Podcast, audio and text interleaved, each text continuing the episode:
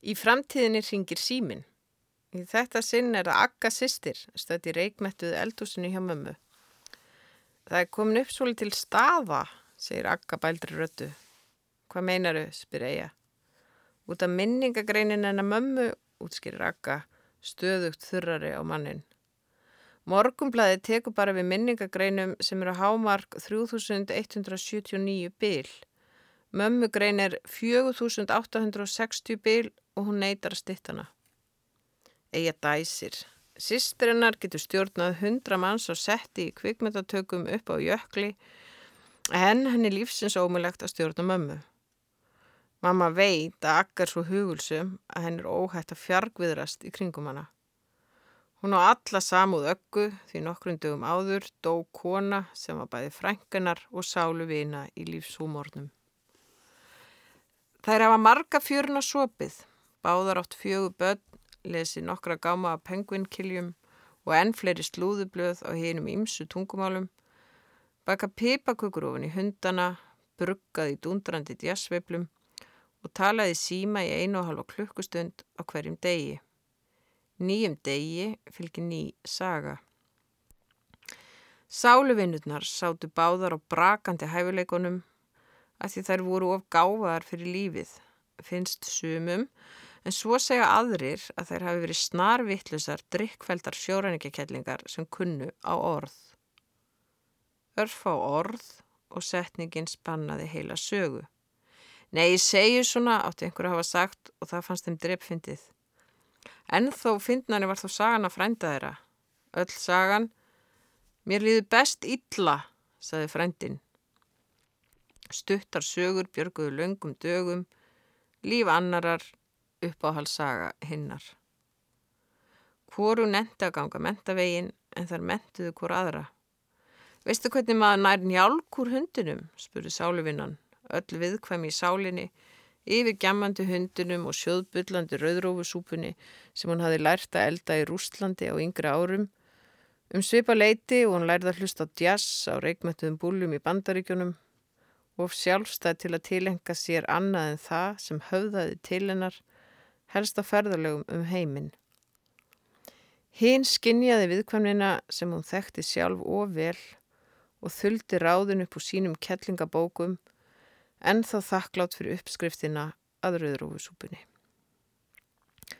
Hvor á sínu bæjarhlaði, hvor við sitt timburhús. Mamma umkring driðguðum leikfengum innan um tré í órekt. Vinkonan umkringd rósum og rósarækt bondans sem var auðharðarinn rósakollarnir með myllt brós, hulið skeggflóka og endurkast af því augnaráðinu. Við gróðurhúsin hekk villibráð í þakrjáfrinu, svo hundarnir hnusuðu kolvittlausir á rósablöðum sem flutu í blóðpolli úr kirkingslegri gæs, meðan krakkarnir hömuðust á hessbagi og sneittu fram hjá listaspýrum úr Reykjavík. Þá voru engin erlendis kaffús í Reykjavík, heldur farið upp í sveit til að vera elitisti. Húsfröðunar tóku elitistunum fagnandi, tjölduðu öllu til, andapatje, rauðvín og laufabrauð, rauðrófur, lambalæri og myndusulta, freðin snafs og freyðandi kól ólöglegur öllari. Sáluvinnan var stundum kölluð líðveldisbatnið. Því hún var fyrsti sjálfstæði í Íslandingurinn, fættist augnablíki eftir að Ísland hlaut sjálfstæði. Hún hlaut að verða hnarrest og hávaksinn.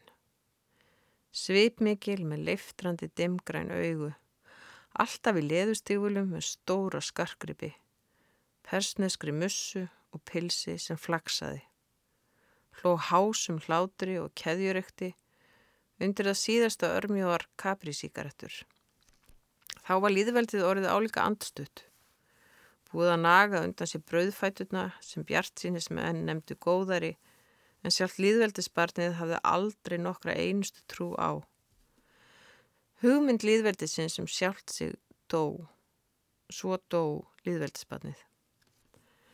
Þá var næstum hálf öll liðin síðan hún fór í göngutúr upp dalin í meksikanskri slá með frumburðin dúðaðan í vagnni en rósabóndin með skirtuermatna brettar upp á olboga og riffil á bakinu ef þau skildi sjá fuggl.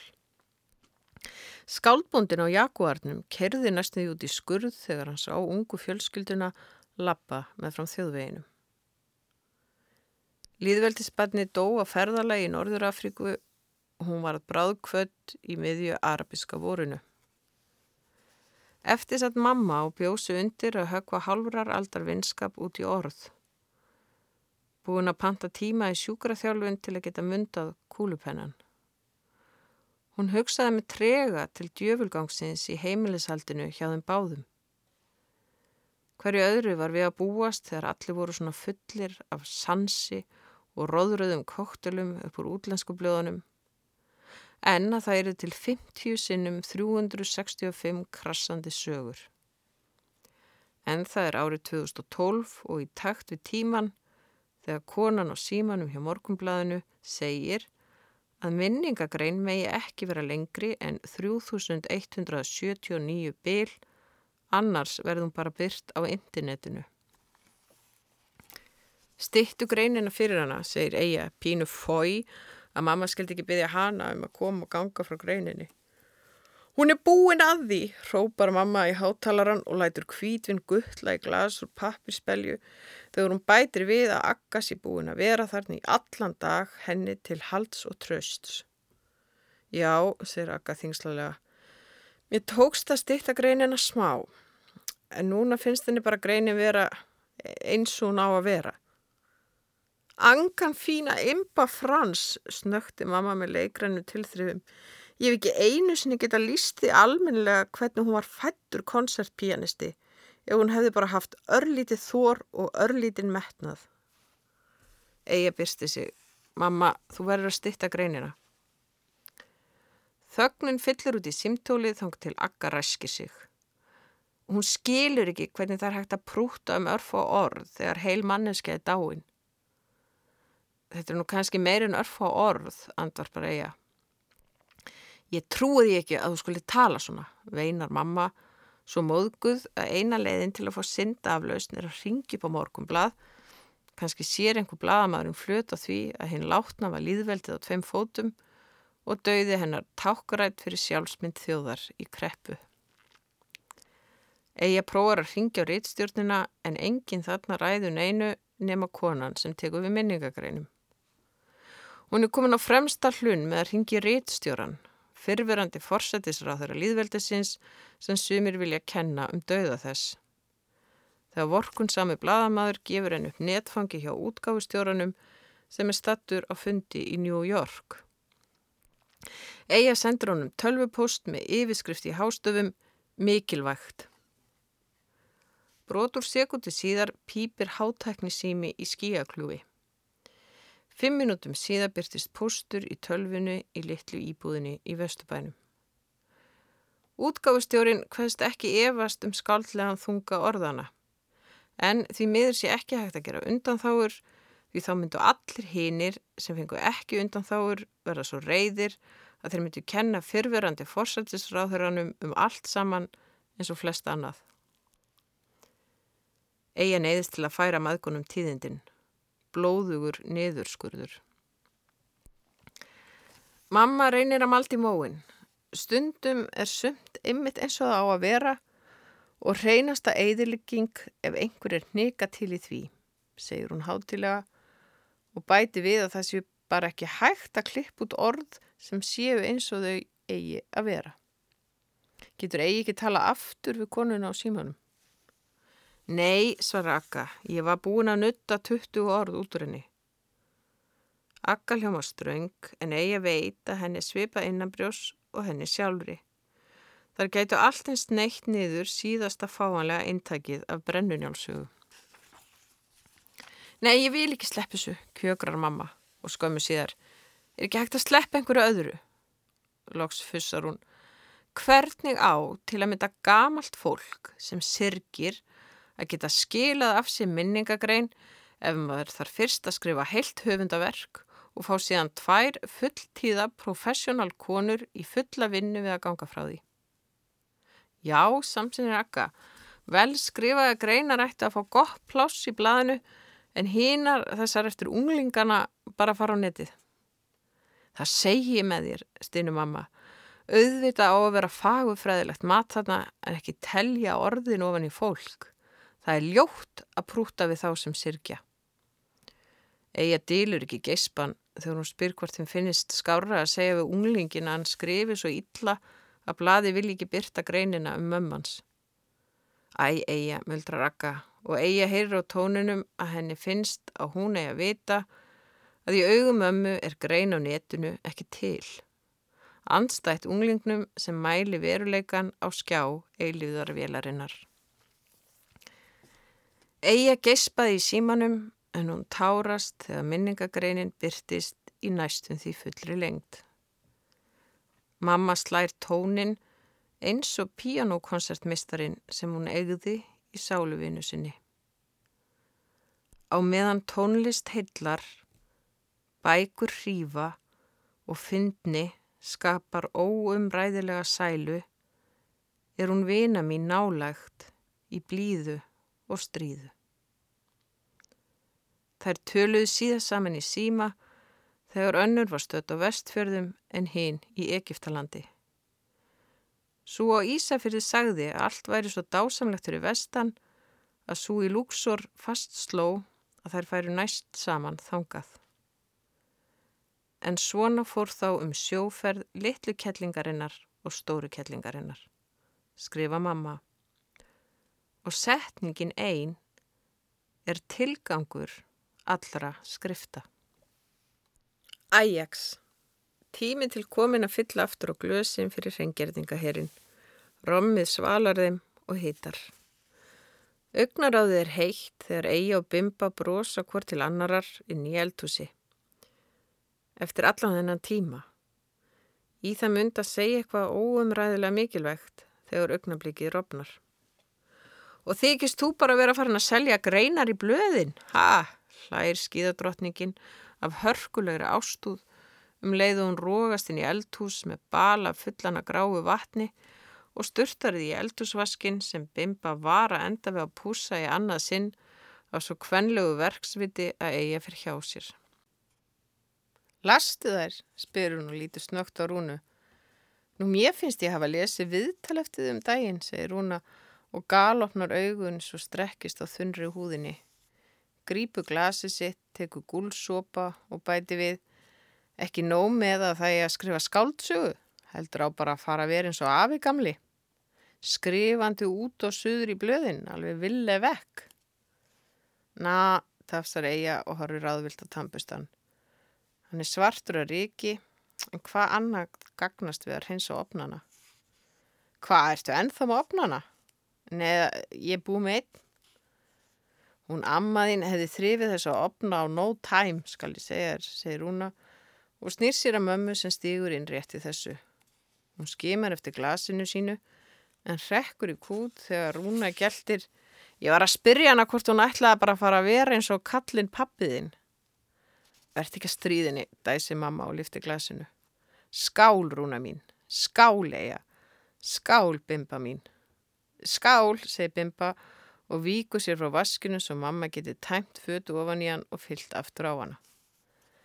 Er það eitthvað stríðin eða tala um kallin? Hvað er Rúna steinlessa? Mamma svarar engu einbeitti við fötunni meðan vatni gossast ofan í sápuna. Brátt leggur reikin af sápulöðrunu. Þýnast liftur um fötunni og bimban hennar veifar samstundis æjagsbrúsanum, reyðubúin að þrýfa vaskin í þriðja sinn. Ærúna, andvarpa mamma, þú veist hvað ég á við. Nú var ekki kallin sískrefandi. Jú, en mamma gjóar augunum á eigu og hvessur þau síðan á rúnu sem skellir í góm. Skilur fyrir en skellur í tönnum. Hikar og segir síðan, stelpan veit nú alveg að hún er engin nóbelsvelun að hafi. Eins og það sé ekki búið að marg tyggja það ofan í hana, týstir ill yrminslegi mömmu um leiðungir auðma tilraun til að skerpa augnaráðið. Jísus, hvað þetta er góðu kokteil, skríkir þá bimban yfir æjaks sljáandi vaskinum. Því hún er ekki bara fulla kvenlegu verkviti, heldur líka innsægi í situasjónum eins og frengurnar. Þó að hún hafa aldrei skilið við kall eða fætt bann, þá er hún óþólandi mikil kona. Enda les hún Hello og kaupi sér tilbásvaraliti og fyrir megrun bæði eftir jólin og fyrir sumafríið. Rúna grýpur aðtöðasemtin á lofti. Já, algjör lifesaver, elskan. Eigi sár öfunda bimbuna af því að tala tungumál hvennana þegar hinnar þrjár skiptast á brósum og Rúna kveikir á útvarpinu. Miðaldra öryrki byður þáttastjórnundan að spila Fernando með Abba svo þar flýta sér að hækka þrátt fyrir skruðningana. Dilla sér í mjöðmunum við melankóliska tóna en stýpna þegar dyrabjallan ringir. Eia þýtur fram. Í augnablíkinu. Fernando, gerðu það, meiri Fernando.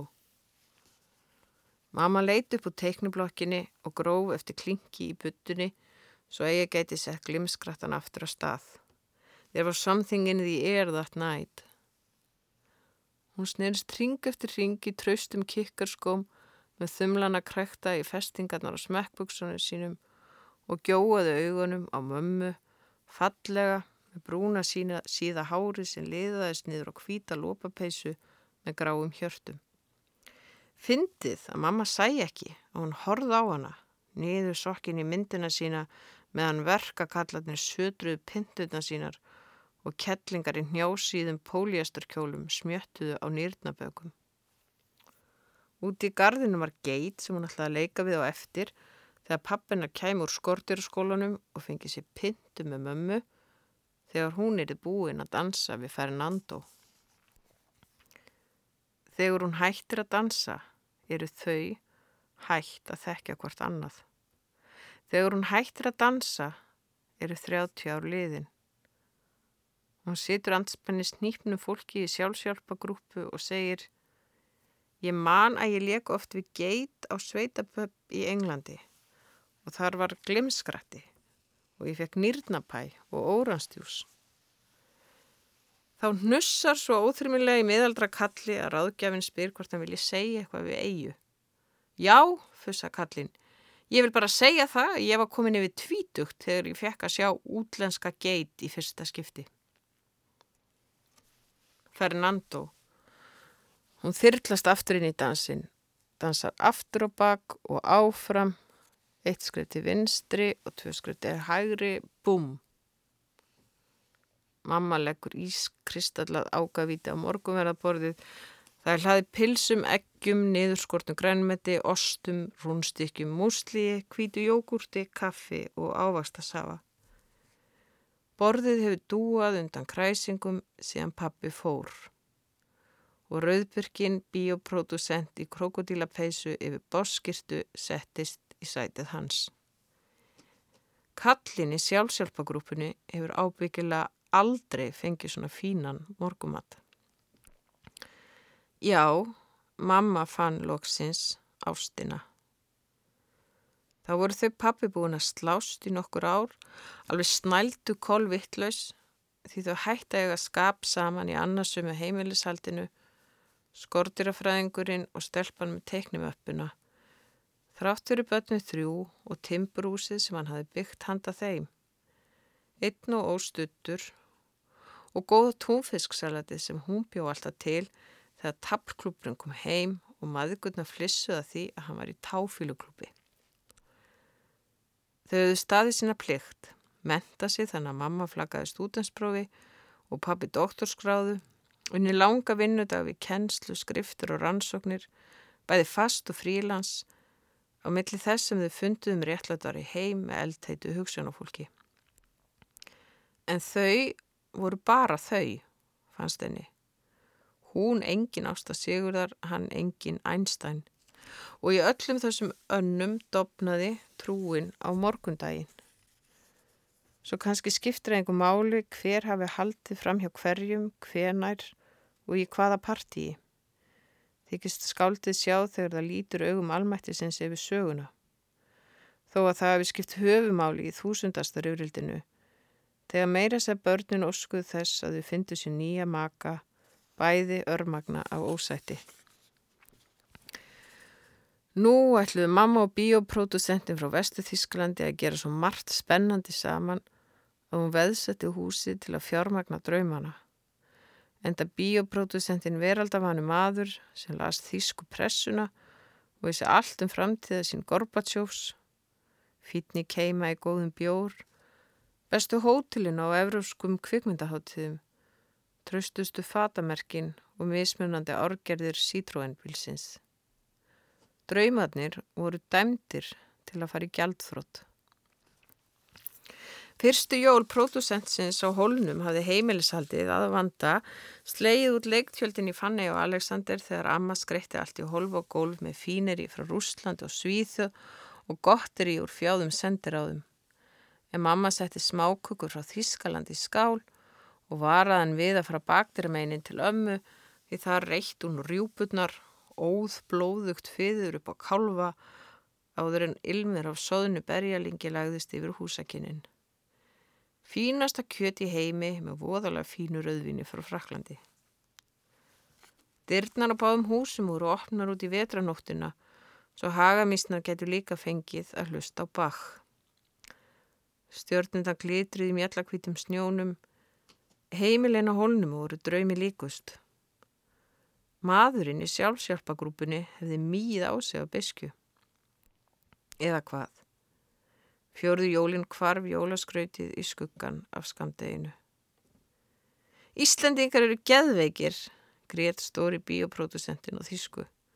Miður sína vombröðum þegar hann fiskaði vasaklút upp úr brjóstvasanum og bossjakkanum. Allt var komið í háa loft og leikmyndin döði ekki lengur til að bjarga ónýtu leikriti. Nú voruðu líka farin að slást. Kaldar dimmar vetranætur í dalnum runnu saman í djöful óðan dans. Blóðið rann því einhver fekk lerkunni í hausin. Var það eiga sem hendinni? Hver annar á að passa mömmu? Kanski hefðu þau átt séns eða hefði ekki leiði svona á að stuðla að samruna evróskrar og íslenskrar drikkjuhefðar. Býrund væn lasta sæn. Fernando snú, eitt skrif aftur og bakk, tvö skrif áfram. Mamma gæti ekki sætt sig við að hafa sett húsið að veði fyrir þýska sjóhansmynd var að missum það. Hún skildi ekki hvernig skitin undirskrift gæti rænt hana eigum sínum. Hafði hún ekki verið með annað augað á suðunni á fiskinum og hitt á ungbarninu, í fanginu, þegar hún kvittaði upp á þetta, eða var það eitthvað annað? Hvað vissi hún, húsmaður með fjögur börn? Hún hafði reynd að byrja að gera heimildamindir en þá hafði eitt bæst í hópin stúlka sem fættist langt fyrir tíman og tók ár að læra anda daglega blá af andnauð. Var þetta brandari? Batni grét, nýfarið að anda í einrúmi þegar þau gerðu út um hjónabandið og pappiðas flutti frá Íslandi. Eitthvað brotnaði. Það var ekki lerkana í þetta sinn heldur eitthvað í mömmu sjálfuri. Þú getur ábygglega að fengi vinnu í kaufélaginu, sagði amma uppbyggjandi. Eða var það eiga sjálf? Skiptir ekki máli. Klumparnir í kjötborðinu, blóðugar fylgjur í álbakka. Hún kastaði upp og kvekti sér í síkarettu, drapa aftur í henni til að mun ekki að sonur hennar hafi fluttið pappasins. Ungbarni grét meðan eiga fekk flóg. Svo í miði passaði upp á hinn. Akka var litla mamma og mamma varð aftur unglingurinn sem hún hætti að vera þegar eiga fættist. Mamma gamla hafði verið svo upptekinn af börnunum sínum að sambilismennir skemmti sér við að ljúa að þau voru að leika sér í ánni með rakvilablöð til að hún hendi skrækjand á fætur. Mamma unglingur sagði sjálfs og svarta brandara að hún þurfti að eigða bræðun af þeim með geni en glemdi að það þurfti að bursta tennur í litlu barni. Líka að það þýrst að gefa því eitthvað annað að borða en spagetti og súran epladjús. En aggamamma kunni bara ekki að búa til matin sem hún hafði sjálf fengið hjá mömmugólu. Spýttið varð hennar húsmaður orlof. Dreifan í því að bursta svartar badnatennunar í litlu sýstur. Spýtt, spýtt, spýtt. Amma var leið yfir að það væri alltaf allt í drastli hjá þeim, svo akka reyndi líka held á húsinu hreinu. Hún lagaði til, passaði og spýttaði meira. Hvenar áttu hún að hafa tíman til að læra? Hún hætti skóla eins og eigi hafði gert. Þær voru svo uppteknar af öllu. Hvaða öllu? Nú bara öllu. Ólgandi hjartslætinum, Fernando. Allt í einu flutti maður heimtilegra sem leit út eins og barbikallin Ken. Hann sagðist hafa keift helmingin í húsinu svo bankin tækið ekki upp í bíoskuld. Og að því að hann hafi keift húsi þá réðan því sem gerðist í húsinu. Alveg sama þótt aggamamma væri hrætt þegar hann opnaði fyrstu flöskun á fymtudegi og þá síðust á sunnudegi. Hún gati ekkert sagt heldur pakkaði litlu sýstu sinni inn í sangina sína meðan turtildúðnar drukku, kjeluðu og slóust. Því eiga var farin. Hún sagði að veri þörf fyrir sig vestur á fjörðum þar sem hefði fallið snjóflóð.